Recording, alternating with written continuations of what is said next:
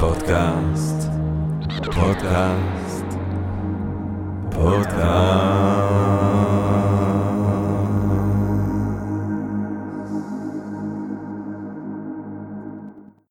טוב, ברוכות וברוכים הבאים לפודקאסט של Think and Drink Different, פודקאסט למי שאוהב אה, לחשוב ולשתות.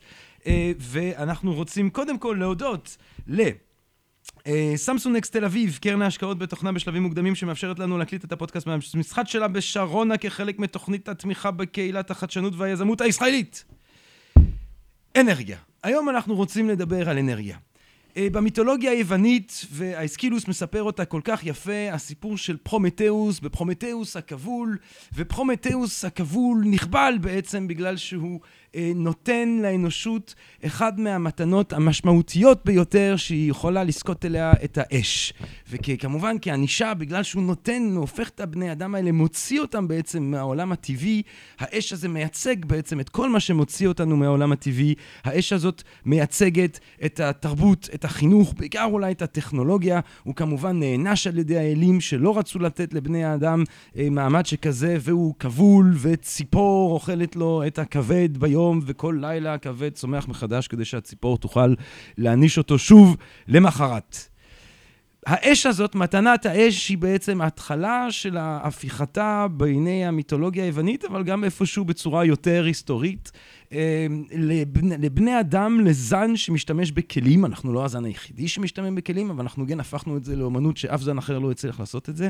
וכל הטכנולוגיה הזאת, כמו שהמיתוס הזה משקפת, מתחילה עם אש. האש מחממת, האש מתניעה, האש מניעה. הדבר הזה הוא עוד יותר נכון, כמובן, בימים שלנו, בימים שלאחר, לא רק המהפכה התעשייתית, גם המהפכה הדיגיטלית. אנחנו תלויים לחלוטין, התרבות שלנו תלויה לחלוטין באנרגיה, אנחנו נעים באנרגיה, אנחנו מזינים את עצמנו באנרגיה, אנחנו מרפאים את עצמנו באנרגיה.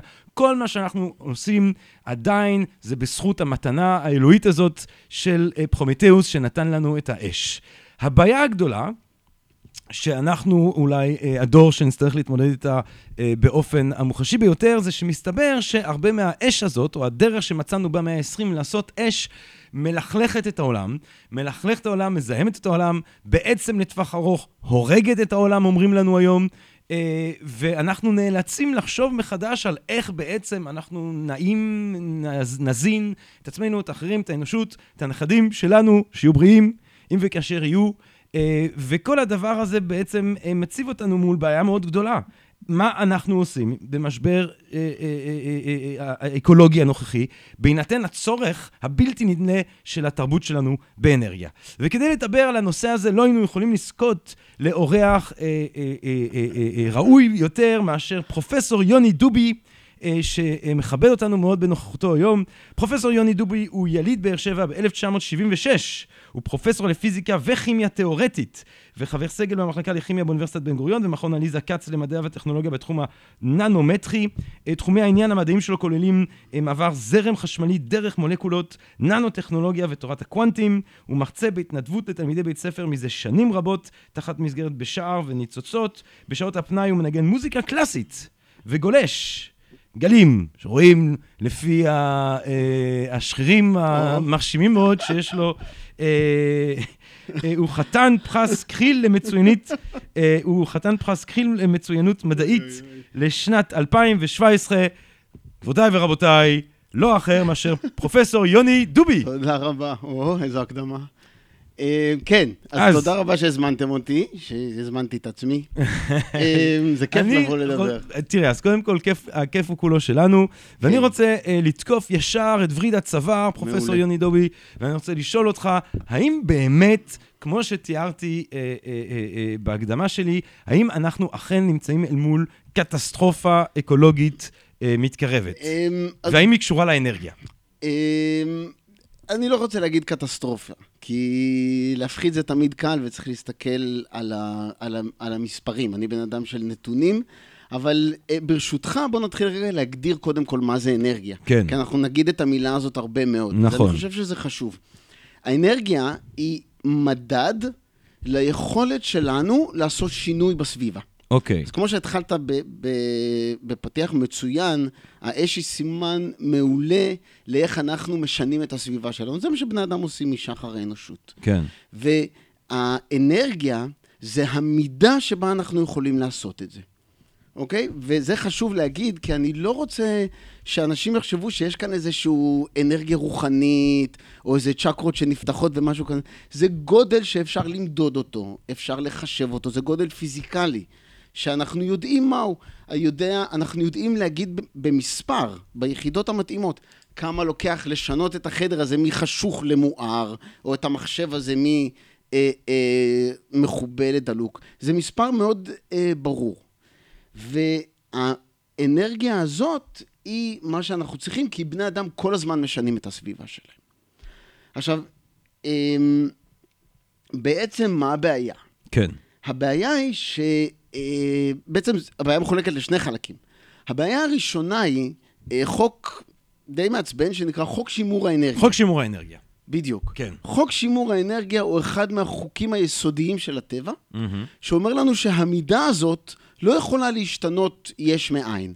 זאת אומרת, כדי שאני אשנה את החדר במידה כלשהי, מהמם. אני צריך להביא את היכולת הזאת מאיפשהו. מהמם. אוקיי? אז אה, אם אני צריך להביא אותה על ידי זה שאכלת תפוח, קיבלת את האנרגיה הזאת מהתפוח, ואחרי זה הלכת על הליכון ועשית חשמל, או אם שרפת פחם והשתמשת ב- באנרגיה שטמונה בקשרים הכימיים כן. של אטומי הפחם, כן. או השתמשת בכל מנגנון אחר, אז אתה רק החלפת את צורה לאנרגיה, אתה לא יצרת אותה יש מאין. מהמם.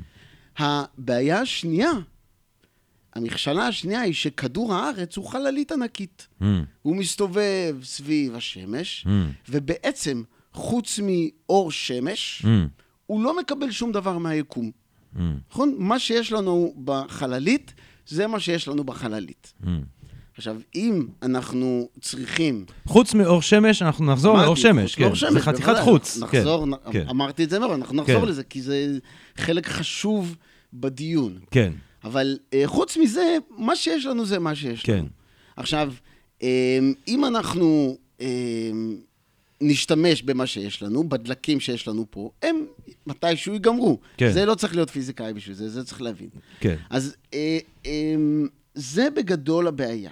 אוקיי. עכשיו, כן, סליחה. טוב, אז אנחנו הבנו אה, אה, קצת יותר מה זה אנרגיה. אנרגיה זה המידה בה אנחנו משנים את הסביבה, אה, זה משהו שאפשר לעמוד מבחינה פיזיקלית. אה, ועכשיו אז אה, אה, אה, אני רוצה לחזור לשאלה ההיא. האם הדרך שבה אנחנו משנים או שינינו את הסביבה במאה ה-20, אכן היא דרך שבסופו של דבר, מוקדם או מאוחר, תוביל לאסונות אה, נוראיים? זה... למיטב, למיטב כן, הבנתך. אז כן. התשובה לשאלה הזאת, כן. ייקח לנו בערך את השעה הזאת לענות עליה. אוקיי. כי היא לא ברורה מאליו, ואני לא יכול להגיד לך כן או לא. אבל אני רוצה לנסות להגדיר יותר בצורה מדויקת מה לדעתי הבעיה. אוקיי. מה, מה, מה המשבר האנרגיה שעומד אוקיי. בפנינו. וזה אני דווקא רוצה להתחיל מלהקריא לך, אתה רואה, אני הבאתי עזרים, להקריא מהצעת החוק אנרגיה ירוקה, אנרגיות מתחדשות של 2010, כן. בכנסת ישראל, ופה הם כותבים, לשימוש הגובר באנרגיה בעולם ולתלות הגוברת במשאב, יש השלכות בריאותיות, סביבתיות, חברתיות וכלכליות. כן. זה כתוב בהצעת החוק. כן. וזה נכון. כן. מה שלא כתוב פה, זה שההשלכות האלה, הבריאותיות, הסביבתיות, החברתיות והכלכליות, הן השלכות חיוביות. וזה קצת מטעה, וזה כאן צריך לשים לב. הסיבה שאנחנו משתמשים באנרגיה, Mm. היא כי יש לזה השלכות חיוביות Mm. על הבריאות שלנו, על הסביבה, על החברה ועל הכלכלה. Mm. למעשה, אם אתה הולך לכל סטטיסטיקה שאתה רוצה, ואתה מסתכל על מדינות, כמה אנרגיה הן מוציאות פר קפיטה, Mm. וכל מדד שאתה תחשוב עליו כחיובי, אתה Mm. תראה מתאם חיובי. גם, כמובן, אנרגיה ו- ותוצר לאומי גולמי. זה בוודאי נכון, בגלל שלעשות דברים לוקח אנרגיה. אז כן. מדינה שעושה יותר דברים צורכת יותר אנרגיה. אבל גם בריאות. כן. במדינות שעתירות אנרגיה, הבריאות הרבה יותר טובה. נכון, אבל, יותר. אבל שנייה, העניין, הבעיה היא הרי לא, לא גם אין, אין ספק שמדינות שמצליחות ליצור הרבה אנרגיה, כרגע, הם, זה כנראה מדד לזה שכרגע הם במצב יותר טוב. נכון. הדאגה נכון. היא שההשלכות, מי שישלם את החשבון האקולוגי, נכון. הוא האנושות כולה בעוד 20-30 שנה. נכון. נכון, בעקבות, נגיד, אנשים מדברים על greenhouse gases, גורמים אנחנו, להתחממות אנחנו גלובלית. נדבר על זה, כן, אנחנו כמובן נדבר על זה. כן. 아, 아, אבל אני חושב ש, שצריך להבין כן. שמה שלא, איך שלא נסובב את התמונה, אחת הבעיות האקוטיות שעומדות בפני האנושות היא, היא אה, זאת אומרת, היא העוני של העולם השלישי. כן. וצריך להבין שאם אנחנו נמצא פתרון, שהפתרון הזה לא יספק חשמל זול לעולם השלישי, הוא לא יהיה פתרון רלוונטי לרוב האנושות. כן. ולכן, כשאנחנו חושבים על אנרגיות חלופיות, צריך לזכור שאנחנו אה, אה, חייבים משהו שיהיה זול מספיק. כן. אחרת, אה, בעולם השלישי לא ישתמשו בו. כן. והעולם השלישי זה חצי מהעולם. כן. זאת אומרת, חצי מהאוכלוסייה. זאת אומרת, גם אם אנחנו ניתן פה, נמצא מקור אנרגיה שהוא הכי הכי נקי שיש, והכי נפלא, והכי יפה, והכי טוב שיש, אם הוא מאוד מאוד יקר, הפתרון הזה לא יהיה רלוונטי. Mm. וזאת אה, אחת הבעיות שאנשים לא, לא, לא, לא לוקחים בחשבון. לא לוקחים בחשבון. זאת אומרת, יש מחיר לזה. אז עכשיו אנחנו חוזרים... אבל אתה אומר נקי. אז אני רוצה להבין יותר את הלכלוך של הצריכה הנוכחית, אוקיי, אה, יפה. או של המאה ה-20, הדלק, הפחם. הפוסל, אז פוסיל יפה, אז בואו פיוס. נעבור איך עושים חשמל. כן. איך אנחנו, נדבר בעיקר על חשמל ועל שינוע, שזה הצורכים הגדולים של כן. אנרגיה. חשמל, שינוע וחימום. כן. אבל איך עושים בגדול חשמל? איך? שזה, בעיקר כן. אנחנו מדברים, טענים סולאריים. לוקחים חבית מים גדולה, סוגרים אותה, מחממים למטה את החבית. המים הופכים לאדים בתוך אש. החבית. בעצם אנחנו צריכים לעשות אש, בדיוק. בדיוק, אנחנו פרומטאוס. חוזרים לאש כן. של פרומטאוס. בגלל זה כל כך אהבתי את זה. בסך הכל אנחנו מחממים חבית מים, עושים חור קטן מלמעלה, והמים יוצאים בשפריץ אדיר של אדים, זה נקרא קיטור. כן. הקיטור הזה מסובב טורבינה, כמו דינמו של אופניים, כן. זה מגנטים בתוך חוט כן. חשמל, ומתחיל לזרום זרם חשמלי. בקווים הזרם הזה הולך לבתים שלנו. ככה, ככה כל האנושות... עושה אגב, חשמל. אני חייב להודות, אה, אנחנו רוצים לדבר באמת על הבעיה האקולוגית, כן, אבל כן. השאלה, איך, מה, מה, מה זה הזרם הזה שמסתובב, איך הוא יודע להגיע לאן? לי כבן אדם שלא אה, מבין מדע, אה, אין לי שמץ של מושג, וזה מפליא אותי, זה וזה הק- מרתק אותי. זה אחד הקסמים כן. אה, של הפיזיקה המודרנית. אה, אה, זה יושב בתוך סט של משוואות שנקרא משוואות מקסואל, אוקיי. שמתארות מה קורה כשאתה לוקח חלקיק טעון ומזיז אותו. אהה. ואז הוא יוצר שדה חשמלי.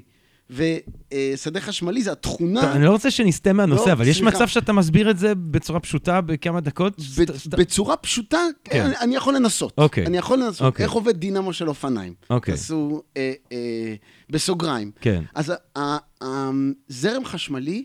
זה תנועה של חלקיקים שיש להם מטען חשמלי. אוקיי. מה זה מטען חשמלי? זה תכונה של חלקיק. שכשהוא מרגיש אה, כוח חשמלי, הוא זז. אוקיי. אה, אוקיי, יש פה איזו הגדרה ציקלית. כן. אני לא נכנס להגדרות Alright, הפיזיקליות, בסדר, אבל יש בסדר. פה הגדרה. יש שתי תכונות. תכונה אחת של המרחב, שהיא שדה חשמלי, היא גורמת לחלקיקים טעונים לזוז, אהה. ותכונה אחת שהיא המטען החשמלי, שגורמת לחלקיקים בשדה הזה להרגיש, ל- לזוז גם. אוקיי. אוקיי? זה גורם וזה יוצר. ו- ו- וזה קצת ציקלי. עכשיו, אמ, אה, מה שמסתבר הוא שכשאתה לוקח חלקיק טעון אהה. ומזיז אותו, אהה. הוא יוצר שדה חשמלי משתנה, או שדה מגנטי משתנה. אהה. ועכשיו התהליך הזה, אהה. בעצם אה, הוא הפיך. כשאתה יוצר שדה מגנטי שמשתנה, אהה. אתה גורם לחלקיק לזוז. אמ. אוקיי? כדי לשמור על איזה חוק שימור, ש, שיש שם איזה מספר שחייב להישאר קבוע. ובאמת, זה, זה עד כדי כך, יש מספר שצריך להישאר קבוע, והדברים האלה מזיזים אחד את השני. טוב, אז אני מניב נכון, יש את החבית עם העד, זה הבנתי, ואז קורה איזושהי מגיה, קורה איזה משהו זה- מגי. זה לא מגי. שמקסוול, זה- יש איזה קוסם בשם מקסוול, לגמרי. חלקיקים, שדה, מגנטי, כן, עניינים, כן. בום, נדלק האור אצלי בבית. כן. אנחנו חוזרים לחבית, החבית נדלקת כרגע עם... אה, או, מה, איך שאתה מחמם גז, אותה. או גן-. גז או פחם, או פחם. או, או נפט בראשית נפט, ה- כן. המהפכה התעשייתית, היום עם גז. אתה יכול לחמם את המים עם אה, תגובה גרעינית. נכון. שפולטת חום, אתה יכול גם בכלל לא לחמם את המים, אתה יכול לשים את הטורבינה על מפל גדול. נכון. היה לך נהר גדול, שכרת אותו, שמת את הטורבינה במפל. וזה כיף גדול, כי בעצם אני לא מלכלך שום דבר. זה הכי נקי והכי טוב שיש. עכשיו בוא נדבר על פחם וגז. יפה. בואו נדבר על פחם וגז. פחם וגז, אמ, נתחיל מהזיהום הרגיל. Mm, פחם וגז, כשאתה שורף אותם, mm. אתה אמ, עושה בעירה. כן. אז אתה מפרק את הקשרים הכימיים בין, ה- בין האטומים של הפחם, כן. ומה שנשאר, אתה קושר אותו עם, עם חמצן. כן. זה נקרא לשרוף, לקשור משהו עם חמצן. ואז נוצרים לך כל מיני אה, שארים.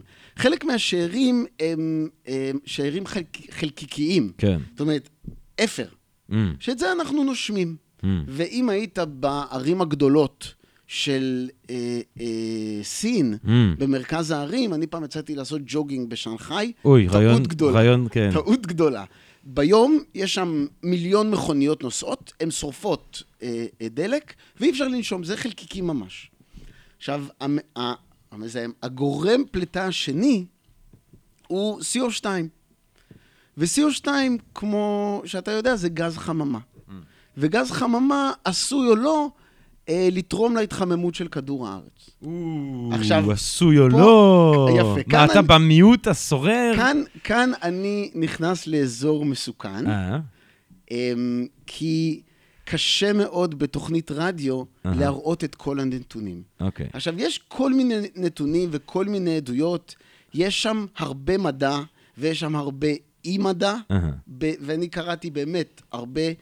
אמ, להגיד לך שאני מצאתי עדות חד משמעית לקוזיישן אהה. בין עלייה של CO2 לבין ההתחממות של כדור הארץ? אני לא מצאתי כזאת. זה לא אומר שאין.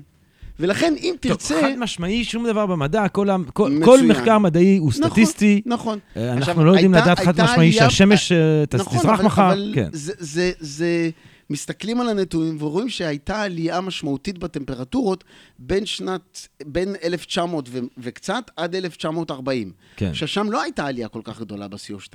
ואז הייתה ירידה קצת בין 1940 ל-1970, ואז שוב עלייה. כן. אז זה לא ברור המתאם המיידי. אה. אבל... אז יש לי- אז תן לי לשאול אותך שאלה הפוכה אז. האם הגיוני יהיה לחשוב שאנחנו נפלוט את כל החלקיקים, או בעיקר את כל הגז חממה הזה, ולא יהיה לזה אפקט כלשהו מבחינת ההתחממות הגלובלית? אה, כן. איך יכול להיות כן. שלא יהיה לזה בגלל איזשהו אפקט? שגז החממה העיקרי הוא אדי מים. אה, ש, שהוא 85% מגזי החממה באטמוספירה, אולי יותר, אני לא זוכר את המספר. כן. אה, אה, זה אדי מים. ואדי מים אנחנו לא פולטים בכלל, הם בעיקר נפלטים מהאוקיינוסים, זה לא תלוי בנו. Mm. עכשיו, יש אנשים כמו פרופסור ניר שביב מה, מה, מהעברית, שיגיד לך שזה רק שמש. שהשמש, כתמים בשמש גורמים לנוקלאציה של עננים, וזה משפיע על ה... זה ממש, השמש פשוט, אנחנו בתקופה שהשמש י- מגיע... יותר חזקה, כן, כן, יותר פעילה. יותר חזק, יותר פעילה. אז יש דעות אחרות. אבל אם אתה עכשיו, רוצה... רק שנייה, זה- אתה אומר, אתה הולך להגיד לי שאין רוב ברור של מדענים שחושבים שיש השפעה אנושית על אני- ההתחממות אני- הגלובלית? אני חושב שיש רוב ברור, אבל זה לא שאלה מנוסחת היטב. השפעה של האנושות על ההתחממות בוודאי שיש. CO2 הוא גז חממה, גם nitrous oxide הוא טוב, גז זה חממה. מספיק טוב. לא, אבל השאלה היא, השאלה היא, א', מה הכמות, כמה אנחנו משפיעים, כמה מהעלייה שאנחנו רואים היא אנושית, כן. והאם זה קטסטרופה. האם צריך להיכנס מזה לפאניקה? על השאלות האלה אין קונצנזוס בכלל. לגבי זה ש-CO2 הוא גז חממה, ברור. אבל, אוקיי. רגע, אבל עכשיו אני אקח אותך יותר יפה. את כל מה שאני הולך להגיד אה, מכאן והלאה, אפשר להגיד גם מתוך נקודת ההנחה שאתה מאמין מובהק בזה ש... אה, CO2 זה ה- ה- הדבר הכי מסוכן עלי אדמות. אני חושב שלא, אני חושב שעוני ובורות הם יותר מסוכנים מעניין. ב-CO2. מעניין. אבל זה רק אני. אבל גם אם אתה רוצה לחשוב ש-CO2 הוא השטן הגדול, Mm. גם אז, לדברים שאני אגיד בהמשך, אה, הם נכונים באותה מידה. Mm. הם נכונים באותה מידה. Mm. אמ, זה- אני- לא, לא, אני איתך, כן, אני כן, איתך, כן, בטח, אוקיי, בטח. בטח, לא, אני- אז- אני מרותק, אז אני אנחנו מרותק, חוזרים, כן. יפה. אז שני הדברים שנפלטים כשאנחנו סופרים דלק- כשאנחנו שורפים דלקים מאודבנים, זה אה, אה, זיהום פרטיקולרי, חלקיקים, אפר בגדול, ו... אה, גזי חממה. וגזי חממה. כן. ואנחנו היינו רוצים להימנע משניהם. יאללה. יאללה, היינו כן. רוצים להימנע משניהם, אבל אהה. תוך כדי ש... להקפיד על שני דברים. אחד, שימור אורח החיים שלנו, מהמם. ולאפשר לעולם השלישי לעלות לאיכות החיים שלנו. אה. שאגב, פה, אם יורשה לי, הדעה האישית שלי, זה, שכך, זה שיהיה, אה, כדי לפתור סוגיות מהסוג האלה, זה לא רק עניין של להעלות את רמת החיים של העולם השלישי, זה גם עניין של להנמיך בצורה מסוימת את האקסס, את הדג'נרציה של העולם העשיר. פחות בסדר. טלוויזיות, פחות מכוניות. אני לא, מאמין- אני לא מאמין בשימור הסגנון חיים שלנו, אני מאמין אפילו מאה אחוז, הצנעה של הסגנון מאה חיים אחוז. הזה. כן. אבל, אז, אז, אני מסכים, אין איזון, שום דבר, אין שום דבר. כן. קדוש ב, באיכות החיים שלנו, אבל היא חייבת כל הזמן להשתפר. כי זה הטבע האנושי. או, ש, אנחנו- או שהיא יכולה להשתפר בזה שאתה מחנך אנשים מעולה. לחשוב על שיפור איכות חיים כמשהו שהוא לא מתבטא בחפצים זה- פיזיים. זה, לגמרי, כן. אני, אני שם, אבל אני אומר, איכשהו אתה צריך לשפר את איכות החיים, אתה לא תוכל להחזיר אותנו לאמיש. זה לא, אי אבל אפשר בוא יהיה נגיד, לעשות. תראה, תראה, הדור, הדור שלנו, הוא, הוא, הוא, הוא כנראה הדור הראשון שבמדינות מסוימות חי באיכות חיים נמוכה מזו של ההורים שלו. כן? אה, אני נגיד, לא יודע למה אתה אומר את זה, מספרית אני לא חושב שזה נכון. לקנות בית. נכון? אוקיי. ההורים היו יכולים לקנות בית, אנחנו נכון, לא נוכל אבל- לקנות אבל בית. סך הכל יש הרבה פחות עניים היום משהיה לפני 30 שנה. כן, לא, אני אומר במקומות מסוימים. נכון, נגיד, אני אבל- תמיד, אני, אני נכון. מסתכל על אנשים ב- ב- באירופה, יכול מאוד להיות שהדור שנולד ב-1940, נכון, נכון. שזה היה לו הרבה יותר קל מדור שנולד ב-1980 ו-1990. נכון. אמ, אין לי מה להגיד על זה, כי זה, זה יכול להיות שזה נכון, אבל אה, אה, אני לא בטוח שזה קשור לצורך שלנו לצרוך. יכול להיות שזה קשור לעוד המון דברים, כלכלה זה דבר מסובך, ואני... וזה, כן. ו, וזה בעיה קשה. אוקיי, אז אז אנחנו רוצים. להימנע מהחלקיקים, אנחנו רוצים נכון. להימנע מהגז חממה, רוצים מאוד, ואנחנו רוצים... אה, אה, לא בעצם- לאבד לחלוטין את ה... אנחנו לא רוצים לחזור- שלנו- לא רוצים נכון. לחזור לעצים. לא, ו- כן. לא, אבל יותר מזה, אנחנו רוצים לאפשר ל- לעולם השלישי להגיע לפחות כן. לאיזושהי רמה שהיא קרובה אלינו. ולאנושות אוקיי. בכלל לכבוש את החלל. זה גם... לגמרי. בסדר, כן. נכון, נכון. ובשביל זה אנחנו צריכים אנרגיה. כן. אבל אנחנו צריכים אנרגיה חלופית. אהה. חלופית זאת אומרת, לא עשויה מדלקים מאובנים, אהה. פחם, גז, נפט, בגלל שפחם, גז ונפט ייגמרו. לוקח להם מיליוני שנים להיווצר, ואנחנו שורפים אותם בשנים מועטות. אז אנחנו לא, זה לא... אז Sustainability. מה? זה לא בדיוק, sustain... זה לא סוסטיין. אז אנחנו רוצים משהו חלופי. שבעברית אומרים... אה, אה, לא. אה, בר קיימא. בר. קיימא. זה אז לא בר אנחנו רוצים קיימא. חלופי, אנחנו כן. רוצים משהו שהוא בר קיימא, שכל הזמן יש לנו ממנו. אנחנו רוצים חלופית בר קיימא, לא מזהם. נכון? ומתחדשת, שלא תיגמר לנו. וזולה. נכון. אוקיי. ואני אומר את זה אחרון, אבל במובן מסוים, זה צריך להיות ראשון. כן.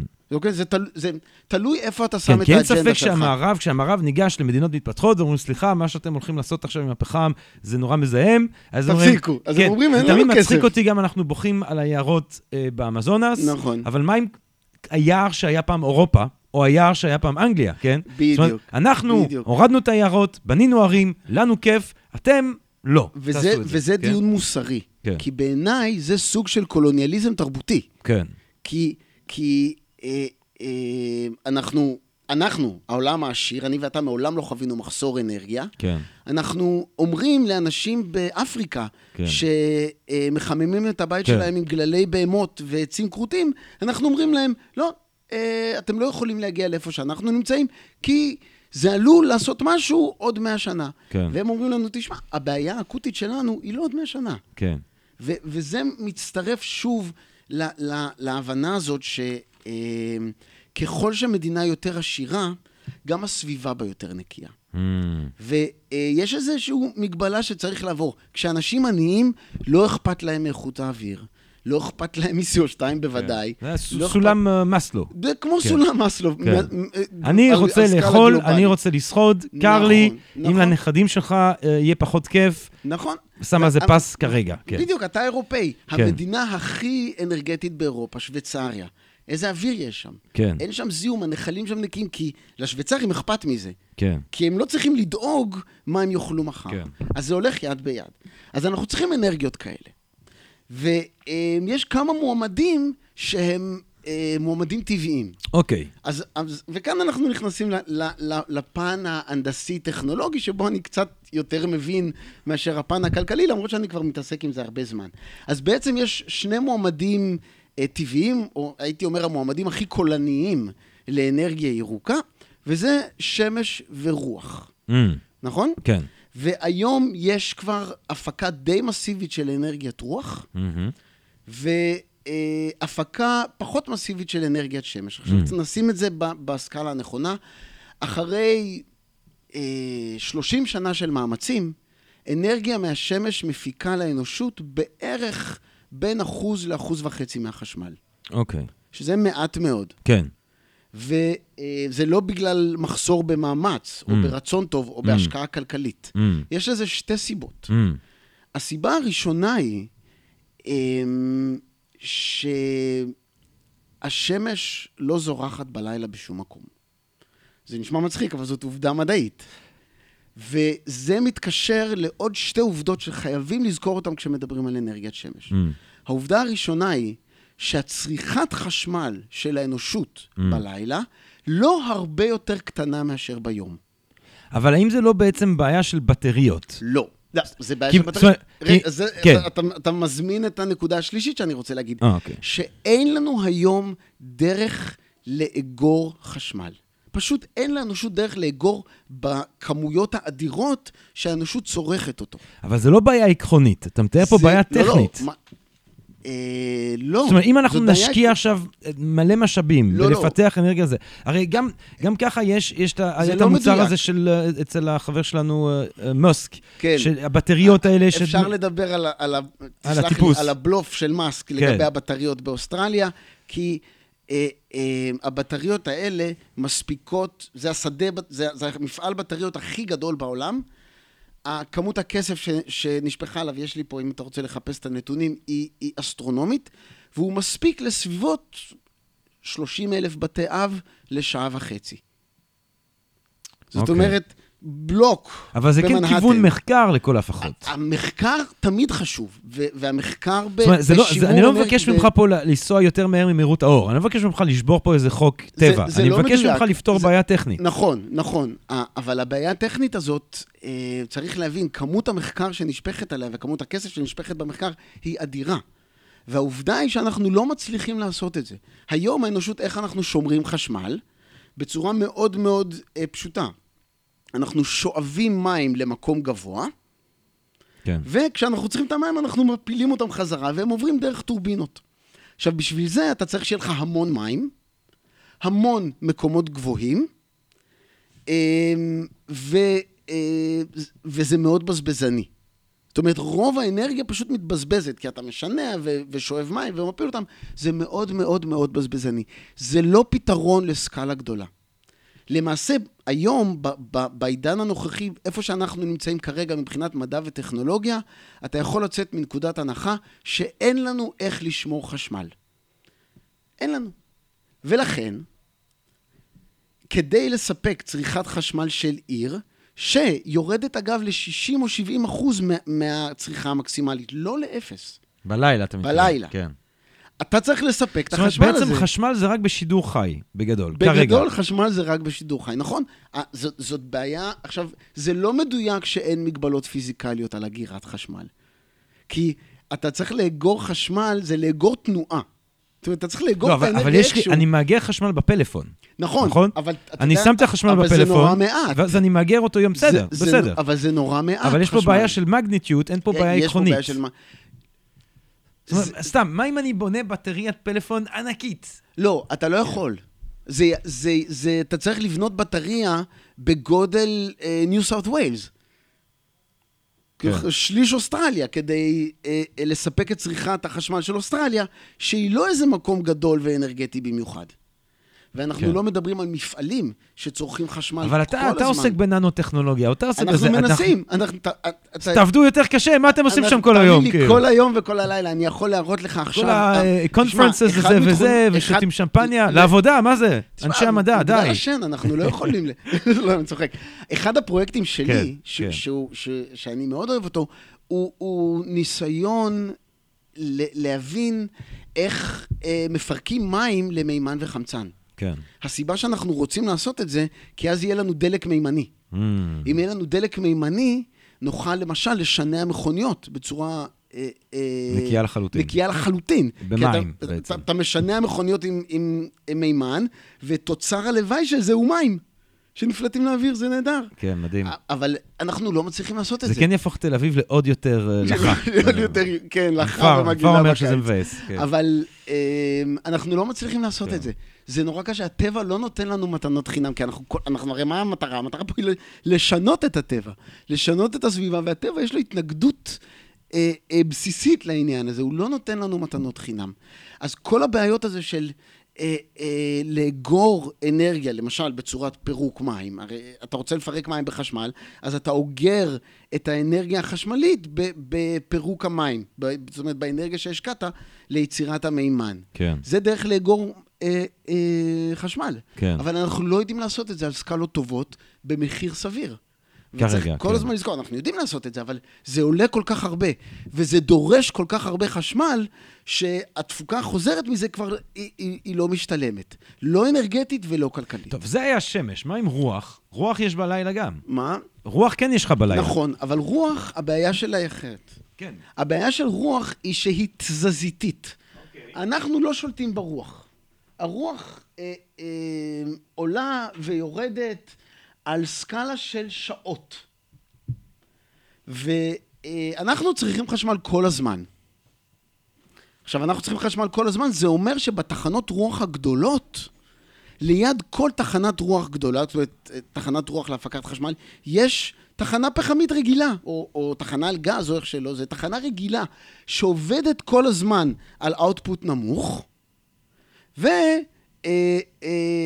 וכשאין רוח, אתה, היא, היא מספקת את החשמל שאמור לצאת מהמפעל הזה. כן. כשיש יותר מדי רוח, אתה מוכר את החשמל הזה במחיר הפסד או מכבה את התחנה, כי הרוח לפעמים חזקה מדי, ואז יש לך overload על המערכת. זאת אומרת, יש לך שליטה קטנה.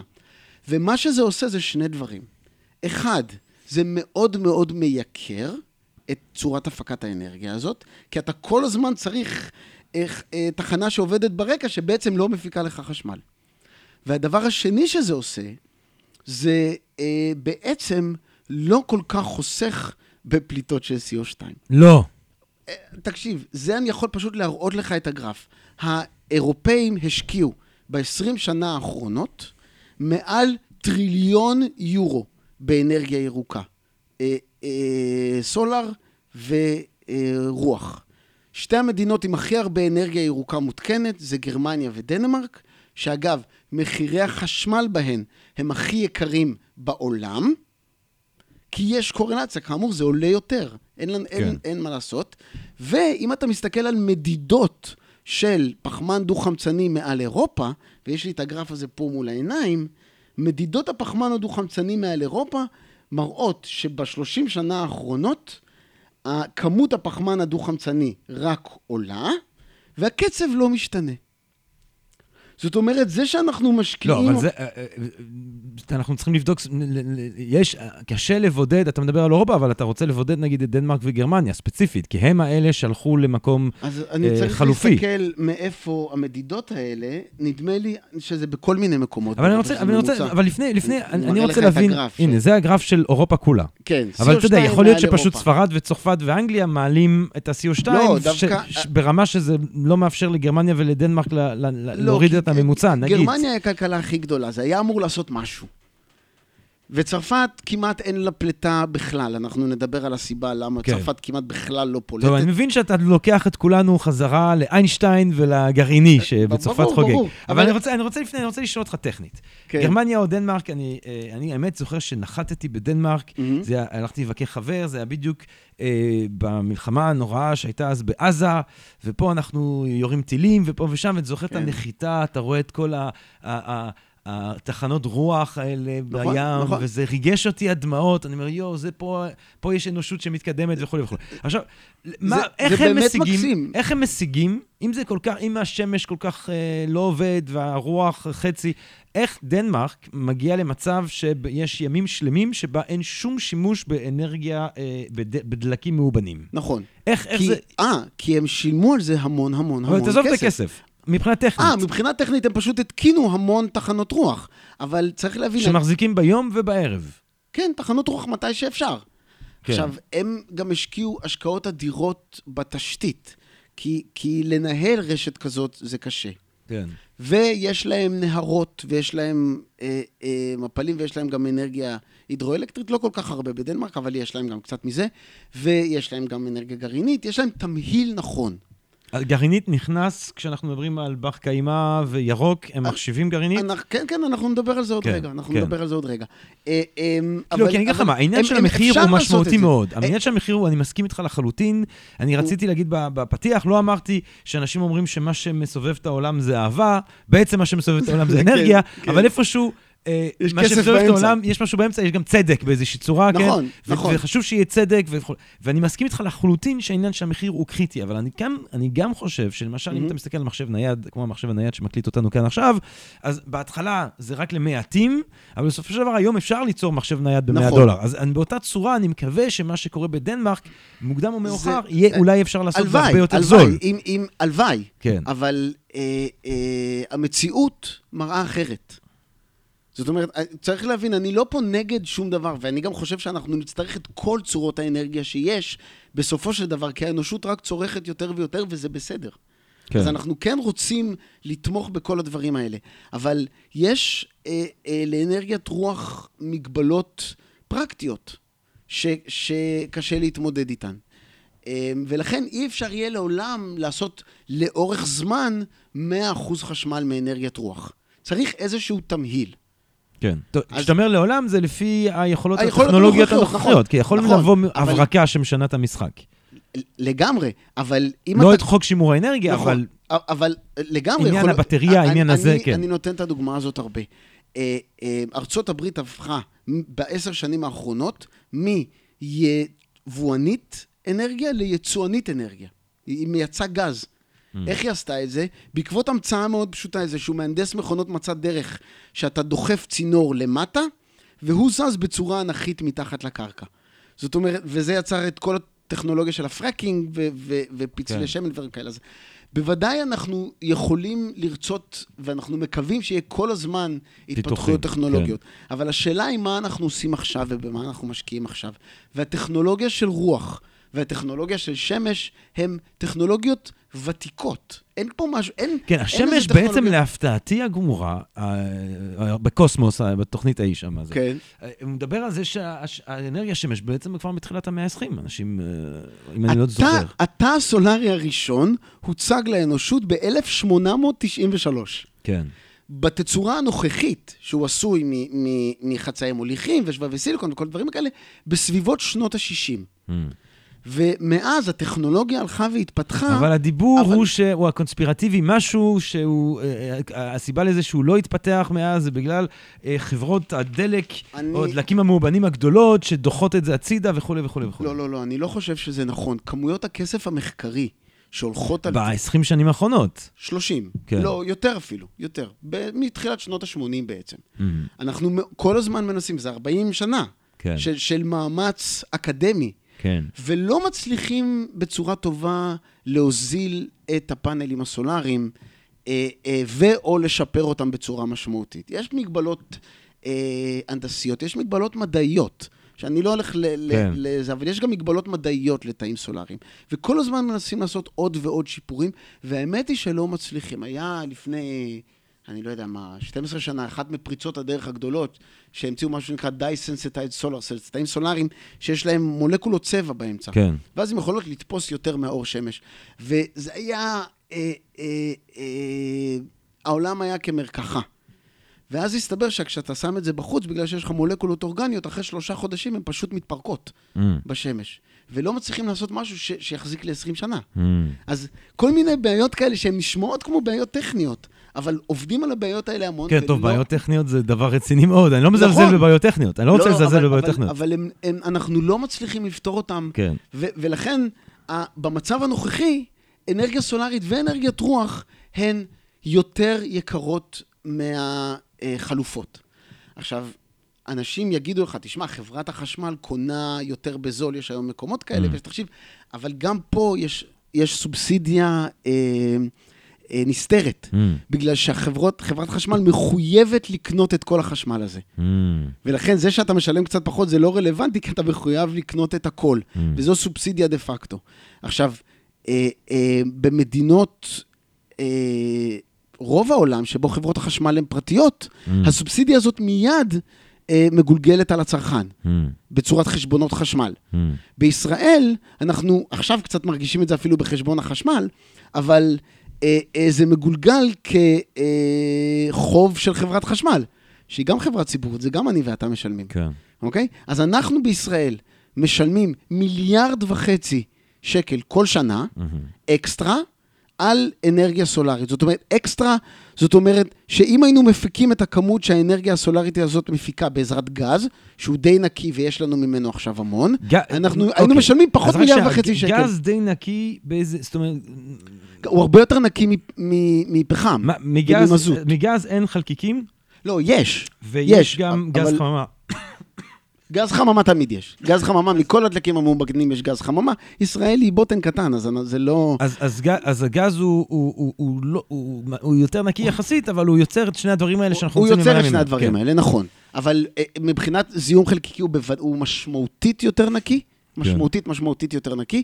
מבחינת CO2, אתה, כמה, אה, כמות ה-CO2 היא פרופורציונית לכמה חשמל ייצרת. כי זה אתה תמיד מייצר, אתה שורף אה, אה, פחמן, ואתה, ואתה שורף פחמן, אתה יוצר CO2. כן. אז אה, אה, בוודאי שגז הוא מזהם מבחינת CO2, אבל גם אם נרצה, אנחנו לא נצליח לעבור לאנרגיית שמש, כי אין לנו איך לשמור אותה. ועכשיו, וגם לגבי הרוח, וזה הדבר השני שרצינו להגיד, אם אין לך רוח, אז זה לא רלוונטי.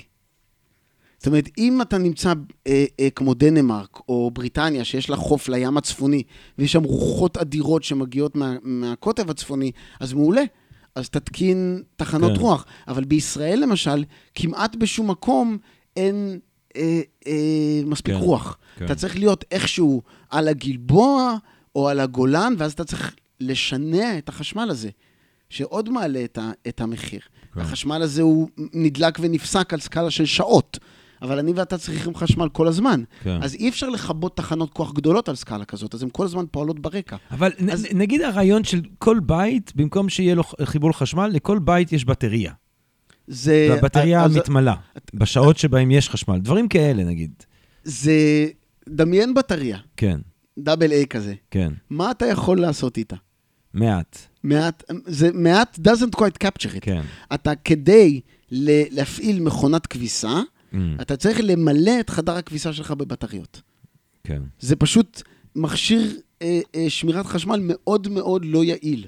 הוא גוזל המון מקום. עכשיו, הוא גם מאוד מאוד יקר. צריך איכשהו להכין את הבטריות אבל האלה. אני, ושם- שוב, שוב, אני מצטער לדבר על לא, לא, לא. החשע אה, אילון מוסק, אה, הגיבור התרבות, אה, אילון מוסק. הנה- בטמני כזה, אבל, אבל אני, אני. רואה משהו שבו זה, הוא, הציג בטריה בגודל של שני חביתות גדולות שאמורות להחזיק בית. שטויות במיץ? לא, לא שטויות במיץ, אתה, אבל הוא עשה חווה הכי גדולה בעולם, יש בה 15,000 כאלה, או משהו כזה, זה מחזיק 15,000 איש. אוקיי, אבל אם לכל בית יש חבית כזאת. אתה לא יכול לעשות את זה לכל בית. בגלל ש, שלטעון את החביות האלה, נו, אתה טוען אותה בשעות שיש חשמל. אבל אתה לא טוען אותן מהקיר. לא, אתה טוען אותה מה, אתה מהשמש או מהרוח. לא, אתה צריך לטעון אותן במפעל. כי יש שם, אה, הבנתי. יש, יש, יש בעיה טכנולוגית. אחרת היו עושים את זה. זה הבנתי. רעיון נהדר, ואנשים חושבים על זה כל הזמן. הסיבה, זאת אומרת, אתה צריך לה- להבין ש, שרוב שוק האנרגיה, לא כמעט כל שוק האנרגיה בעולם הוא שוק חופשי. אם היה לנו פתרון יעיל וטוב, היו עושים אותו. לא, אין לי אז, ספק, כן. אז, אז הפתרון הזה הוא לא יעיל, הוא אה, מאוד יקר, והוא טוב אם יש לך הפסקת חשמל יזומה. כי אז אתה יודע מראש להטעין, ואתה יודע לחלק ולנהל נכון את משק החשמל שלך. כן. עכשיו, אפשר לדבר על הסיבות שבגללן היה צריך בכלל את, ה, את חוות הבטריות של מאסק. וזה שהממשלה האוסטרלית סגרה תחנות כוח, כן. ולא בנתה במקומם כלום, היא בנתה במקומן אה, תחנות סולריות, שלא סיפקו אותה. שלא סיפקו, כי הם לא מצליחים לספק את החשמל שצריך. ולכן אוסטרליה נתקלה במחסור אז בחשמל. אמרנו, יש לנו בעיה, יש לנו מחסורים אם אנחנו נשתמש ברוח, יהיה לנו כן. מחסורים אם אנחנו נשתמש בסולארי. כן. אני מבין שאתה רוצה לדבר על האנרגיה. שזכתה אה, מסיבה כלשהי לשם נורא אנחנו בין הירוקים נדבר על זה, בעולם. בהחלט, בהחלט. אנרגיה גרעינית. כן. כן. אני מקשיב. אז, אז יפה. אז אנחנו... אה, בישראל, על מיטב הבנתי, אין שימוש באנרגיה לא, גרעינית. בכלל לא. כן.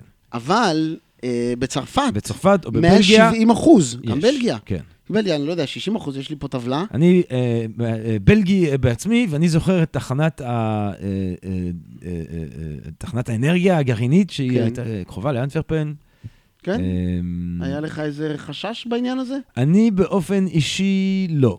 אני דאגתי יותר ממגפת הפדופיליה בסוף שנות ה-80, תחילת ה-90, כשהייתי בצדק. בגיל, ה, אה, בצדק. בגיל המסוכן, אבל לא. אני לא, לא, לא דאגתי מזה יתר על המידה, אבל כן היה... אז הנה, אני מסתכל, בלגיה יודע, אני הייתי מפיקה... ילד, מה אני הנה, ידעתי? בלגיה מפיקה בנתונים של 2016, 49.9 אחוז מהחשמל של האנרגיה גרעינית. והנה עומד לפניי בלגי, שמעולם לא חשש לעניין הזה. הצרפתים מפיקים מעל 70 אחוז, ומעולם לא שמעת על העניין כן, הזה. טוב, הייתי ילד. יכול להיות ש... כן, לא, לא, עדיין, כן. זה, זה מ-2016 הנתון הזה. כן, כן, אמ, אז, אז בואו נתחיל במקורות, מה זה אנרגיה גרעינית? כן, אז אמ, כמו ששמענו בפודקאסט הקודם, כן. אה, או שניים קודמים, איינשטיין, נכון, איינשטיין מלמד אותנו שמסה ואנרגיה הם צורות שונות של אותו מטבע. Mm. אני יכול להמיר מסה לאנרגיה. Mm, אז איך עובד כור גרעיני? מהמם, אנחנו יורים אה, אה, נייטרונים על אה, אורניום, מפרקים אותו, מהמם, והוא הוא עושה תוצרים, מהמם. אטומים אחרים, קצת יותר קלים.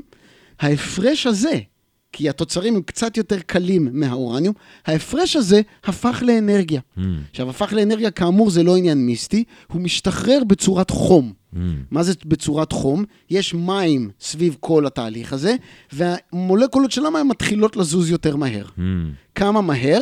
עד שהמים הופכים לעדים, מהמם. ואז אנחנו פותחים את השסתום, חזרנו לחבית עם ה...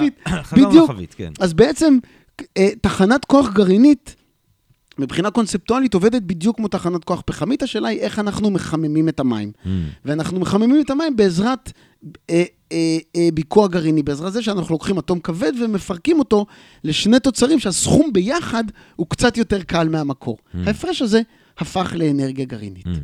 ואז אנחנו עושים חשמל. נשמע מעולה. זה נשמע מעולה. עכשיו, צריך להתחיל לדבר, אה, אתה רוצה להתחיל לדבר על היתרונות או על החסרונות? לא, אה, בואו, היתרונות נראה לי... אה, אז ככה, ואז, ה- ה- היתרונות. קודם כל זה תחנת כוח, אז היא לא תלויה בגחמות של הטבע. יש רוח בלילה, יש שמש ביום, אין לנו באיזה תחנת כוח. עכשיו, אמ, אמ, האנרגיה הזאת היא יציבה. עכשיו, האנרגיה הזאת היא גם מאוד מאוד נקייה. קודם כל, בתהל... בתהליך היצירה עצמה לא נפלט כלום לאוויר, לא נפלט לא, לא אה, חלקיקים לא ולא חלקיקים ולא חממה. CO2. כן. זאת אומרת, מבחינת מי שחושב ש-CO2 הוא השטן הגדול, צריך בהחלט לתמוך באנרגיה גרעינית. כן. וכאן יש סיפור מאוד מעניין, כי גרינפיס, באופן מסורתי, היא נגד אה, אה, אה, אנרגיה. גרעינית, והיום יש מרידות בתוך גרינפיס על העניין הזה. הבנתי. כי מה לא, מה לא נקי באנרגיה גרעינית? לכל אנרגיה... הפסולת. לכל, הפסולת. הפסולת הגרעינית. עכשיו, הפסולת הגרעינית זה דבר נורא מפחיד. זה חומר שיש לו, אה, שהוא הוא דועך, הוא ממשיך לפלוט חום, מהמם, אה, צריך לאגור אותו איפשהו, מהמם. אבל, וכאן באה העובדה המדהימה הבאה לחשבון, האנרגיה הגרעינית היא צפופה פי עשרה מיליון מאנרגיה של מאובנים. זאת אומרת, על כל מ- עשר מיליון חביות נפט, אתה צריך חבית אחת של אורניום, ומזה חלק נשאר פסולת. אמ, החביות האלה, אפשר לשים אותן במקומות שאף בן אדם לא גר בו. מהמם, ויש המון מקומות על כדור הארץ שאף בן אדם לא גר בו. אז זה נכון, צריך לטפל בזה בזהירות. כמה, כמה, סתם. לסנוור, אה, אה, אה, אה, איך קוראים לזה? לא לסנוור את האוזן, יש אה, ביטוי. לסבר את האוזן. לסבר את האוזן. כן. לסבר את האוזן. כמה שנים הדבר הזה מסוכן, הפסולת הגרעינית? זה קצת תלוי כמה רחוק אתה עומד ממנו. אה, אם אתה מחזיק ביד, זה, מסוכ... זה מסוכן. זה, זה, זה... מה, 200 אלף? לא, לא, לא, לא. 10 אלף? אה, כן. אה, חמש... זה, זה, זה לא, לא, לא עולמי עולמים. אבל בסדר, אז תיקח מרובע של עשרה קילומטר על עשרה קילומטר במדבר סהרה, אה, תשלם ל... למדינה הזאת, אה, ובאזור הזה, שבו אף אחד לא גר כן, מעולם, כן. וכנראה גם לא יגורו בו, כן. תשים שם את כל הפסולת הגרעינית. סוג כזה של פתרונות, וזה באמת מה שעושים. זאת אומרת, הפ- הפסולת איפה הולך הגרעינית... הפסולת הגרעינית של צרפת ובלגיה? לאפריקה. הפסולת. הגרעינית... מה? לא, מן הסתם. דיברנו על צדק כן, בעולם. כן, כן, כן, נכון. אבל אם אתה תשלם בעין רחבה לאפריקאים לעשות את זה, זה לא יפריע להם, הם ישמחו. כי הפסולת הזאת, חוץ מהעובדה שיש לך אזור שאסור להיכנס אליו, היא לא עושה שום נזק. לא, וגם הסכנה של אה, בשינוע. זאת אומרת, אה, נכון, בדרך יכולים להיות תאונות. נכון, זאת אומרת, בדרך- למה הצרפתים לא מוצאים מזה חור אצלם? למה הם משלמים לאפריקאים? כנראה שיש איזושהי סיבה. אה, בצרפת אין מקום שלא גרים בו אנשים. זה, זה עניין של רגולציה, פחות מעניין כן. של, של, ש- אה, אה, של, של אה, רפואה. הרגולטור הצרפתי אומר לחברת החשמל הצרפתית, אתם חייבים להרחיק את זה מפה. מעניין, תסתדרו." והאמריקאים, יש הם להם... אה, הם שמים את זה בנבדה. בנבדה. בנבדה, כן. במדבריות ענק של נבדה, אני נסעתי ליד, אה, גם אתה נסעת, אם נסעת מלוס אנג'לס ללאס וגאס. ללאס וגאס, עברת ליד המטמונים האלה, לא ראית אותם כי זה אי שם בערים, אבל אה, וזה לא מפריע לאמריקאים בכלל. שוב, הם מאוד נזהרים, כי זה מאוד מאוד מפחיד. וכאן אנחנו מגיעים לנקודה... ויש גם כמובן הפחד אה, של הנה. הקטסטרופה, הנה, של ו- מה שקרה יפה. בפוקושימה. או, אנחנו כן. נגיע לזה, אתה, אתה נכנס. יפה. ואתה רואה, אני שם פה את הנקודות אהה. לגבי ה- היתרונות של האנרגיה הגרעינית. כן. האנרגיה הגרעינית היא עד היום מוכחת Mm. להיות הפקת האנרגיה הבטוחה ביותר של המין האנושי. זאת אומרת, הכי פחות הרוגים פר קילוואט שעה, Mm. פר יחידת Mm. אנרגיה. זאת פשוט אנרגיה בטוחה בצורה יוצאת דופן. לאורך 60 שנה של הפקת חשמל, היו שלושה אירועים. Mm. אירוע אחד היה אירוע מאוד קשה, צ'רנוביל? בצ'רנוביל, נכון. היום אין יותר כורים כאלה. Mhm. והאירוע השני זה האירוע שאתה הזכרת, פוקושימה, ותרשה לי להזכיר למאזינים שלנו, בשנת 2011 רעידת אדמה מייצרת צונאמי אדיר בחופי אה, מזרח יפן. Mm. בא גל אדיר שוטף Mm. את החוף, Mm. וחלק מהאפטרמט של הגל הזה, שהוא שטף את תחנת החשמל בפוקושימה, שהיא תחנת חשמל גרעינית. Mm.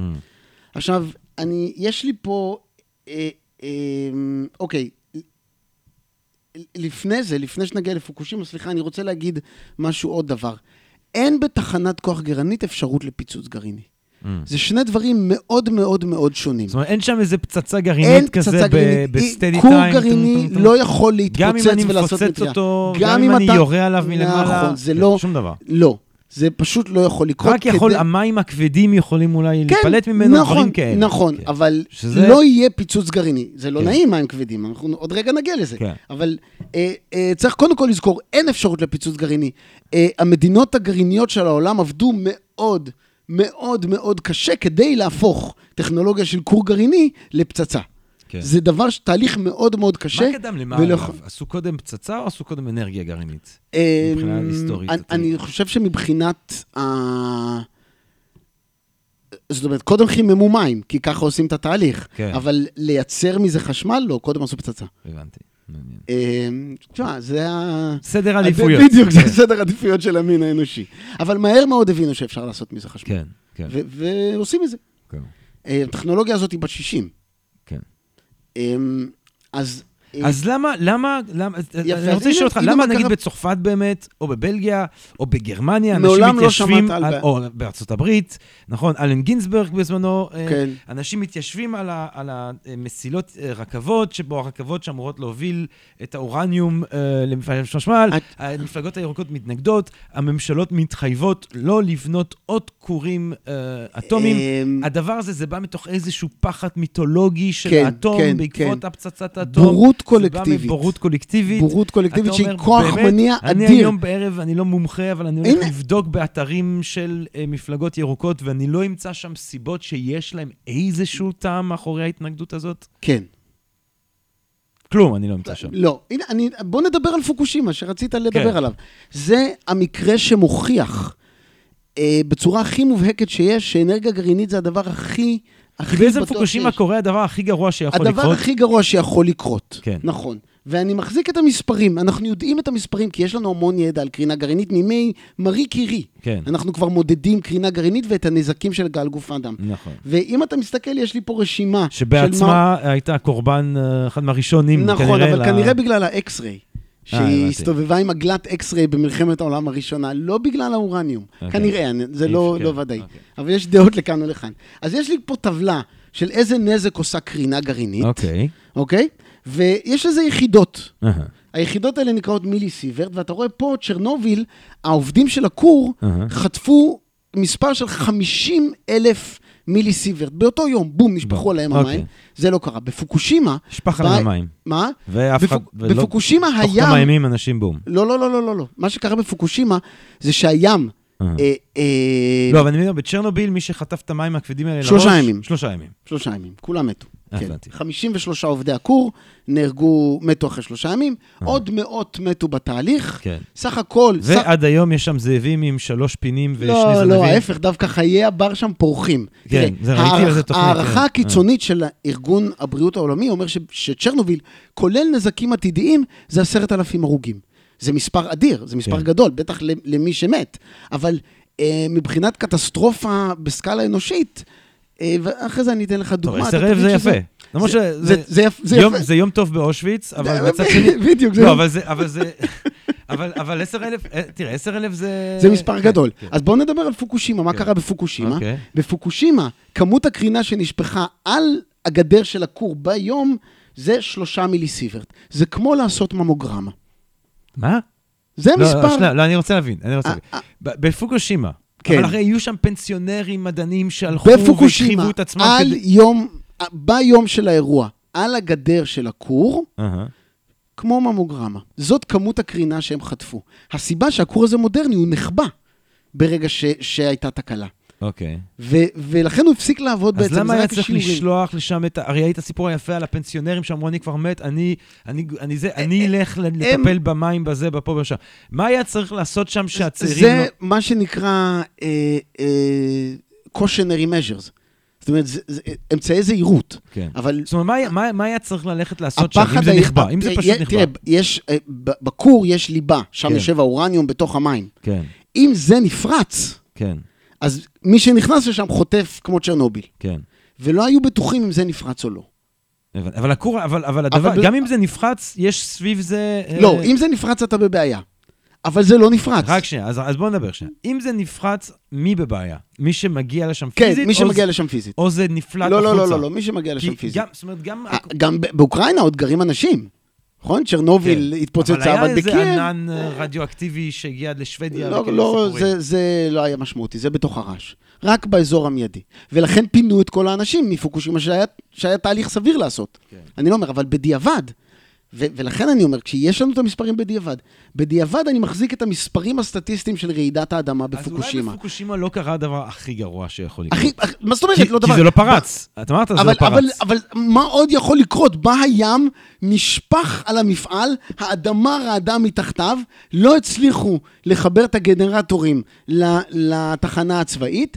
כל הדברים הכי גרועים שיכולים לקרות קרו, ומספר... חוץ מפריצה, המים הכבדים לא זלגו נכון. ל- לים. נכון, או הם כן זלגו לים. לא, הם לא זלגו. ואם הם היו זולגים לים? אבל הם לא. אבל, אבל זה יכול היה לקרות. לא, למה לא?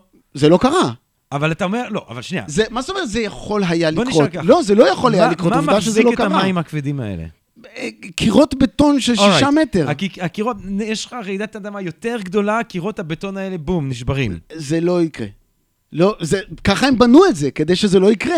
הם עשו עבודה מצוינת. אז אתה אומר, הקירות בטון האלה לא יעזור כלום, לא נשברים? כן, עובדתית, הנה, סתם. הם, הם, זה... דאוס אקס מכינה, אה, אה, פעולת טרור, מישהו מפוצץ את הקירות בטון. שנייה, שנייה. המים הכבדים האלה זורמים לים. כן, מה הנזק?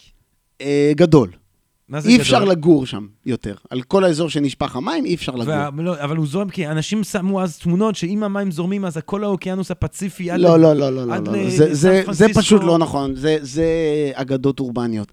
אבל ג'רמי, לשאול מה עשוי היה לקרות, זה לא רלוונטי, כי אנחנו יודעים מה קרה. לא, אבל אתה כן שואל. למה? כן, כי, כי אבל- בדיון התיאורטי, אוקיי, אז הדיון בוא, התיאורטי מה יכול לקרות, איזה- אבל אז בוא אני אענה לך, מה יכול לקרות אם סכר נפרץ? אנחנו כרגע לפני לא שעה דיברנו על זה שאנרגיה הידרואלקטרית זה כל כך טוב. כן. מה יכול לקרות אם סכר נפרץ? האיום של, שלנו תמיד על המצרים. אנחנו נפוצץ את סכר... אה, סכר אה, אסואן, מה כן. יכול לקרות? אני אגיד לך מה יכול לקרות, כי אה. זה קרה. בשנות ה-70, הסינים בנו סכר שנקרא בנג שיאן, מהמם, בשנות ה-70 הוא נפרס, מהמם. ועל המקום הרג 150 אלף איש. אוי ואבוי. שמעת על זה פעם? אה, שמעת, על איזו התנגדות כן. ל, ל, לבניית סכרים הידרואלקטריים? מעניין. לא. כן. אנחנו צריכים להסתמך על הידע שלנו. והידע והניסיון שלנו מראים שהאנרגיה הגרעינית היא צורת ההפקה הכי בטוחה. יותר בטוחה בוודאי מאנרגיה הידרואלקטרית. זאת אומרת, כמות ההרוגים מהפקת אנרגיה הידרואלקטרית היא, בהרבה יותר גדולה מאנרגיה גרעינית. כנ"ל לגבי אנרגיה פחמית, במיוחד אם אתה סופר מחלות כתוצאה מזיהומים. כל הדברים האלה. אה, אה, זאת פשוט אנרגיה בטוחה. תראה, בפוקושימה נהרגו 16,000 איש ברעש, עוד 3,000 אנשים נעדרים, חצי מיליון אנשים איבדו את הבית שלהם, ותשעה אנשים נחשפו לממוגרמה, לקרינה גרעינית בממוגרמה. תשעה אנשים. אף אחד לא מת, אף אחד לא ימות מזה. גם הפנסיונרים האלה שהלכו הם- וזה, בסוף כן, הם כן, הכל כן, בסדר? הכל בסדר. אה, אני שמח לשמוע. כן, כן, אבל כמה שמעת על זה בחדשות? הרבה. כמה רעש היה סביב זה? הייתה כי- בהלה, הייתה בהלה. הייתה כן. בהלה, כי אנחנו אוהבים לפחד. והבורות, לא, אבל יש פה, קורה פה משהו אחר. אם אנחנו אוהבים לפחד, היינו יכולים. לפחד גם אה, מהסחר, מה- מהאנרגיה ההידרו... נכון, נכון, אבל, אבל יש משהו במסתורין הזה של המאגיה של לגמרי, איינשטיין יצר. לגמרי, לגמרי. אנר- קרינה גרעינית זה דבר נורא, זה אויב נוראי, כי אתה לא רואה אותו, כן. אתה לא שומע אותו. אתה לא מבין אותו. אתה לא מריח אותו, אתה לא מבין אותו, הוא עושה לך משהו לתאים. זאת אומרת, הוא משנה את המבנה הפנימי של ה-DNA, כן. וככה אתה מת. זה דבר נורא מפחיד. כן. באמת זה דבר מפחיד. אבל, טוב, אני לא יודע, את- זה לא כזה יותר מפחיד מתאונת דרכים. או, בדיוק, נכון. אם אתה מסתכל בצורה הרציונלית, כן. אז זה לא מפחיד. במיוחד כשאנחנו מסתכלים על הנתונים ואנחנו רואים... למה ישראל שזה- אף פעם לא חשבה לבנות אה, או, כור גרעיני? אה, אתה, אתה, כמו הרצאות, כמו שאלות מוזמנות. בוודאי שחשבו. הנה סיכום אה. של גוף שנקרא מוסד שמואל נאמן בטכניון. אהה. זה גוף אה, אה, שדן במדיניות, בכל מיני נושאים טכנולוגיים. וזה דוח מ-2011 של ההיתכנות של תחנת כוח גרעינית בישראל. והם כותבים כל מיני דברים, הם כותבים בסופו של דבר בסיכום את הדברים הבאים. אחד, אנרגיה גרעינית זה דבר בטוח, יציב, טוב, נקי, כל הדברים שאמרנו Mm. לגמרי, שאמרנו קודם. Mm. יש שתי מגבלות עיקריות Mm. לגבי אה, הפקה של אנרגיה גרעינית Mm. בישראל, Mm.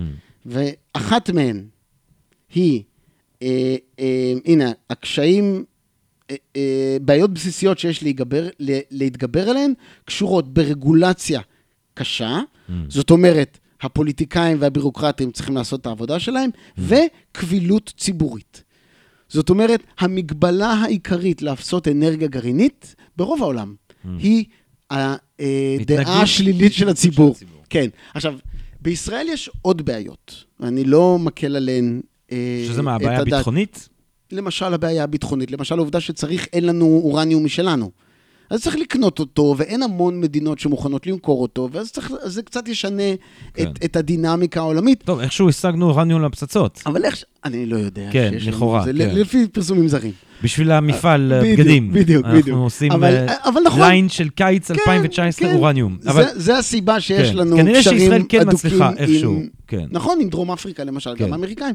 עכשיו, מבחינת כמות האנרגיה שיש בעולם, כן. וזה מידע יש דעות לכאן ולכאן, אבל זה מידע שקיבלתי משיחה מקולגה שלי שהוא היה פוסט-דוק בלוס אלאמוס. לוס אלאמוס זה אחד ממרכזי המחקר הגרעיניים כן, החשובים. בעולם. כן. כן, מאז ומעולם, ואני עבדתי שם בתור פוסט-דוק אחרי הדוקטורט. מה אתה אומר? כן, אה, לא. עשית, לא בתחום הזה אגב, כן. אבל אתה יודע, נפגשים עם אנשים. והיו לנו דיונים על העניין הזה, והוא אמר לי את הדבר המדהים הבא.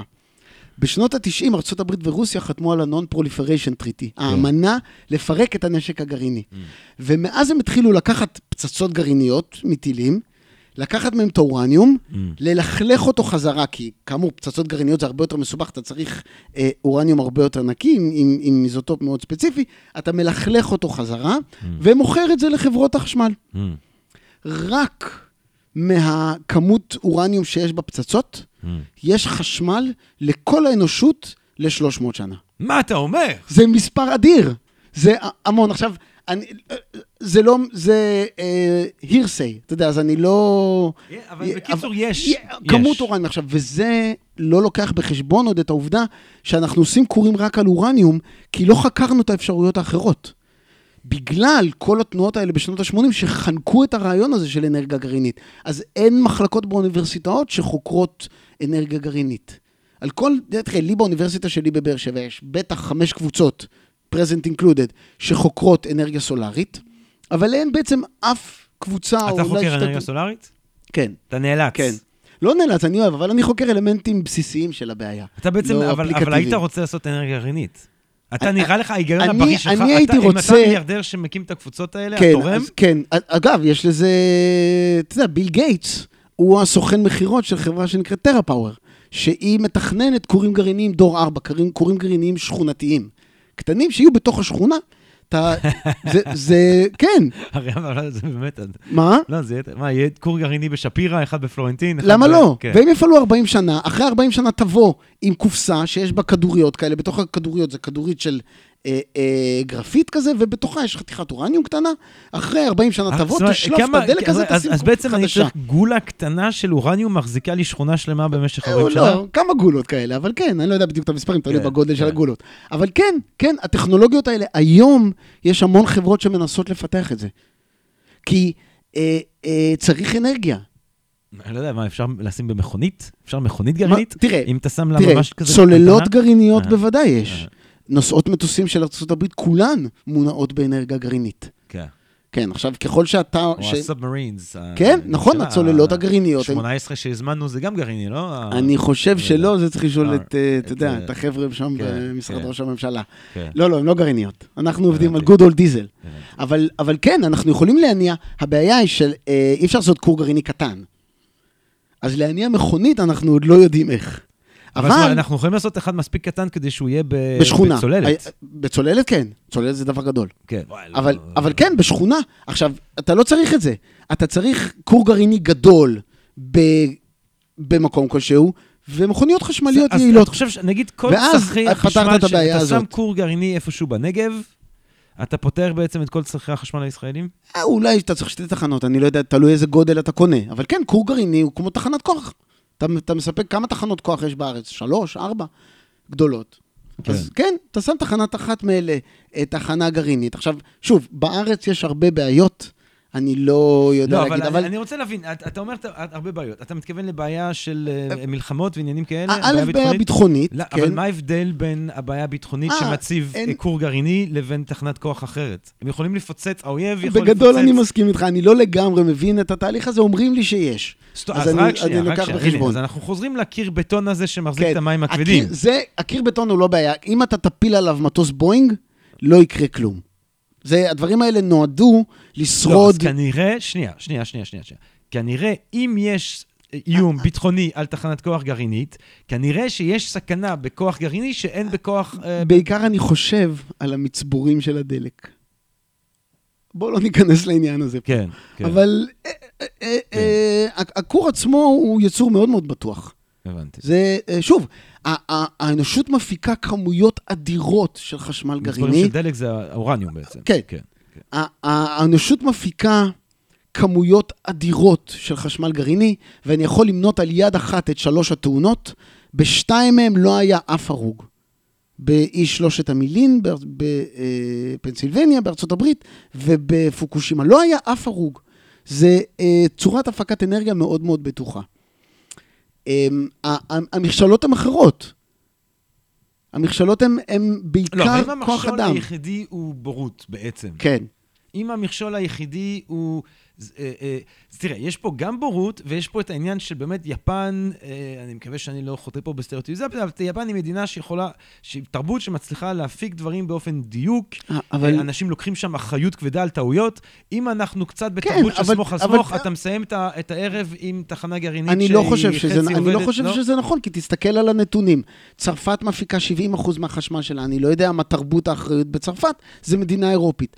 אבל אוקראינה, אחרי צ'רנוביל, כן. זאת אומרת, ב-2016, 55.1 מהחשמל שלה הוא חשמל גרעיני. כן. הונגריה, סלובקיה, סלובניה, בולגריה, אה, אה, צ'כיה, ארמניה, אה, ספרד, כל אלה מעל 30 אחוז. ואז אתה בעצם אומר, אה, גם נגיד, אתה התחלת ואמרת, אנחנו חייבים קודם כל לחשוב על אנרגיה אה, זולה גם לעולם המתפתח. כן. אתה חושב שגם נגיד במדינות אה, עניות יותר, במדינות אה, שמתקשות, אה, אני יודע מה, אה, אה, צריך לבנות כורים גרעיניים. אמ, קודם כל, הם יחליטו לעצמם מה משתלם כן. להם, זה תלוי... אבל אם אתה היית מייעץ... אם אני הייתי מייעץ, הייתי אומר, קודם כל, לבנות כמה שיותר וכמה שיותר, כל מה שאפשר. כי הבעיה הבוערת ביותר למדינות האלה היא לא הזיהום והיא לא ה-CO2, היא העוני. והדרך להתגבר על העוני היא בעזרת לתת אה, אה, יכולת כלכלית עתירת אנרגיה. כן. זאת הדרך היחידה ש, שההיסטוריה מלמדת אותנו שאפשר לעשות את זה. ולכן המדינות האלה, וזה נכון, הן עושות את זה. יפן בונה כמות אדיר, יפן, אה, סליחה, סין, בונה ברגע זה 18 כורים גרעיניים, אבל היא גם בונה יותר מ-30 תחנות פחמיות. Mm. הם עושים את זה במקביל. הם חייבים המון חשמל. אז הם, הם משתמשים בכל מה שהם יכולים. אז למה שיבנו רק גרעיני? למה הם בונים בכלל פחם עם הבעיית זיהום נוראית שלהם? בגלל שיש להם המון פחם. זה לא סיבה טובה. זה זול להם. אבל זה יותר זול להם מגרעיני? כן, כן. גם להם אין אורניום. גם להם, אני לא יודע אם יש להם אורניום או לא. אני מנחש שסין יש לה הכל, זו מדינה גדולה. מבחינת, אבל אמריקאים נגיד, יש להם אורניום? כן, הרבה. אמריקאים, כן, כל ניו מקסיקו. ויש מספיק אורניום בעולם להחזיק אותנו מלא... הרבה מאוד כן, זמן, כן. וזה בלי שדיברנו על כורים מחומרים אחרים, טוריום וכל מיני דברים כאלה, שהיום עובדים עליהם, כן, יש המון. אז אם אנחנו, אנחנו, אנחנו לאט לאט חייבים להתחיל לחשוב על לסכם את השיחה המרתקת שלנו okay. אוקיי. כאן, אה, פרופסור דובי.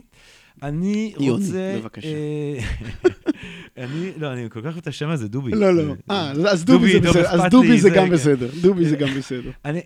אתה אומר, תראו, אנחנו פה כבר לא כזה בהתחלה של המאה ה-21, אבל אנחנו, אה, אם אנחנו נחשוב בצורה פיקחית, בצורה שלא אה, אה, נכנסת ל, לעמדות, אה, אה, אפילו קצת ימי ביניים עוד, שאתה מפחד מטכנולוגיה כי היא מסתורית, אתה אומר, לא, אני מבין ב, אה, אה, אה, אה, באנרגיה גרעינית, אני איש שחוקר את הדברים האלה, ואני אומר לכם, בתכלס, אם המניו, התמהיל שאנחנו צריכים כדי להתקדם באופן החיים, זה לקדם כמה שאפשר שמש ורוח, ולקוות שאולי יהיו פיתוחים, ואולי כן, כן בסוף אנחנו נצליח כן. לעשות בטריות, ואולי אנחנו כן נעשות, לא נגד זה, אבל גם להסתמך בראש שקט אפילו, יש לומר, על שקט. אנרגיה גרעינית הרבה יותר. זה סיכום מצוין כן. למה שרציתי להגיד. כן, כן, וזה מגובה במספרים.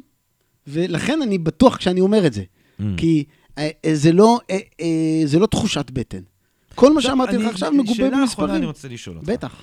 אמ, אני, אני לא יודע אם זה באמת איזה אגדה אורבנית, אבל אני שמעתי שהבעיה הגדולה שאנשים חשבו עליה בתכנון ערים, ובכלל ביכולת השינוע שלנו בתוך ערים בתחילת המאה ה-20, זה מה נעשה בסוף המאה עם הקקי של הסוסים. יהיו כל כך הרבה אנשים, יהיו כל כך הרבה סוסים, מה נעשה עם כל הקקי הזה של הסוסים? נכון. והרבה פעמים כשאתה חושב באמת על הבעיות שלנו, או שאתה חושב על הבעיות של סוף של המאה ה-21, אז יכול להיות שהבעיות שאנחנו חושבים עליהן, הם הבעיה של הקקי של הסוסים, אנחנו בכלל עוד לא רואים את הבעיות שהובילו טכנולוגיה.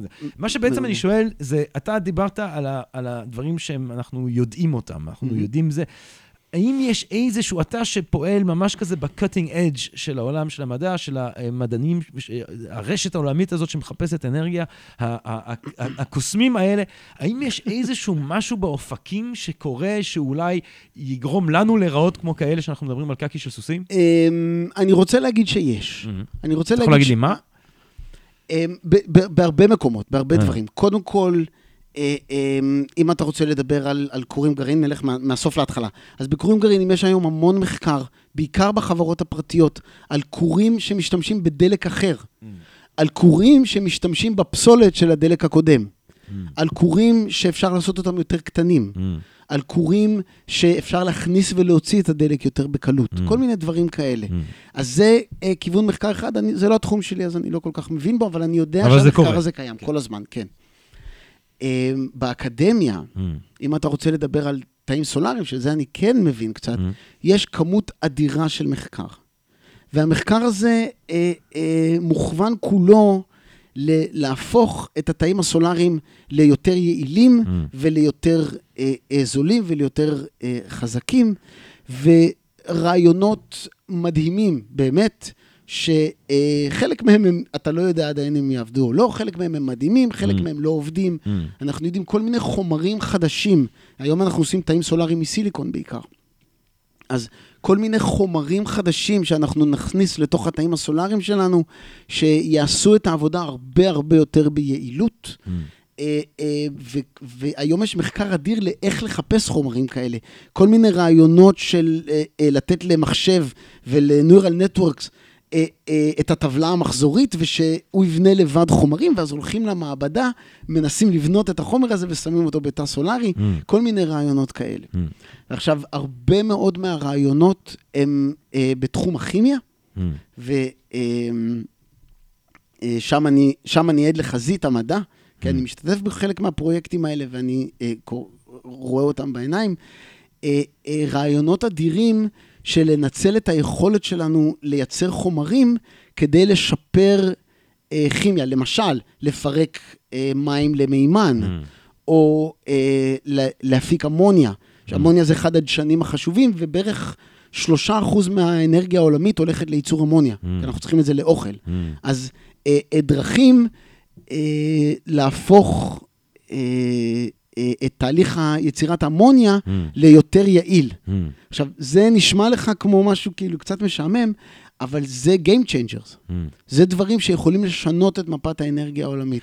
עבדתי לפני, אה, אה, לא מזמן, אני עדיין חושב על הבעיה הזאת, על משהו שנקרא המרה טרמואלקטרית. Mm. המרה טרמואלקטרית זה חומר שאתה לוקח, שאתה שם אותו, ואם יש הפרש טמפרטורות בין שני הצדדים, זה עושה חשמל. Mm. אה, ומשתמשים בזה, משתמשים בזה על לוויינים, mm. בגלל שבלוויינים אה, צד אחד הוא בחלל, הוא מאוד מאוד מאוד קר, על הצד השני שמים איזשהו חומר רדיואקטיבי, הוא נהיה חם, ומזה מספקים חשמל ל- ללוויין, שם הבעיה החשובה היא מיינטננס. אבל היה רעיון אדיר לעשות את זה ממולקולות. Mm. ואז אתה לוקח את כל הצינורות של uh, תחנות הכוח, צובע אותם עם המולקולות האלה, מחבר לזה חוטים, ואתה משפר את הנצילות של אה, אה, תחנת כוח בשלושה אחוז, mm. חמישה אחוז. זה אולי נשמע קטן, אבל זה שינוי, להרבה, כן. סקאלה אדירה. כן. אז כל הזמן אה, אה, מדענים חושבים על זה. Uh-huh. ובאמת, יש לנו משאב אחד שהוא באמת בלתי מתכלה, וזה ה-human ingenuity. כן. הרצון שלנו לחשוב ולהמציא. Uh-huh. אז זאת גם הסיבה שאני די אופטימי. הבנתי. בגדול. זאת אומרת, אתה מסתכל על ההיסטוריה, אתה רואה שיכולת ההמצאה שלנו, זו, זאת הסיבה שקקי של סוסים לא הפכה להיות בעיה בלונדון. כן. נכון? כי המציאו כן. מכוניות. כן. אז... שיצחה בעיות אחרות אמנם, אבל נכון, כן. כן. אבל, אבל פתרה את הבעיה הזאת. כן.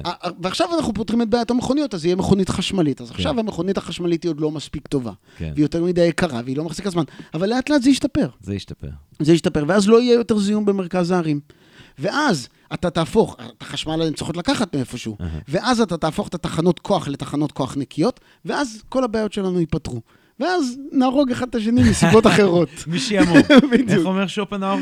משעמום אנחנו נהרוס את העולם. שזה בעצם מה שאנחנו עושים עכשיו עם הרגלי הצריכה שלנו. ממש, לגמרי. לא, אבל בוא נשאר עם הרוח האנושית שבזכות אה, פרומתאוס אה, ממשיכה וצומחת, ונקווה באמת שאנשים כמוך, אה, יוני, כן. אה, אה. יצליחו אה, לעזור אה, אה, אה, ולפתור את הבעיות הנוראיות האלה, ש- אה, אה, ובעיקר באמת, אם רק מדענים היו אה, חולקים אה, ושותפים לדאגה שלך של אה, צדק חלוקתי וצדק בכלל, והעוני, הם היו שמים את זה אה, גם כאיזשהו אה, משהו שצריך לקחת בחשבון כשאנחנו חושבים על הבעיות האלה.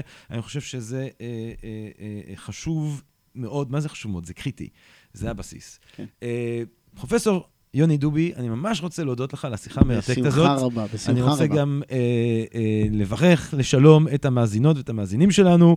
אה, תבואו לשמוע את פרופסור דובי אה, מרצה גם ב-Think and Drink Different. נכון. אה, ובשאר הפורומים, ושיהיה לכם כל טוב, שיהיה לכם אנרגיה, הפעם מיסטית טובה. אה, ואנרגיה אה, בריאה גם פיזיקלית, ונשתמע. תודה רבה ולהתחאות. Podcast. Podcast. Podcast.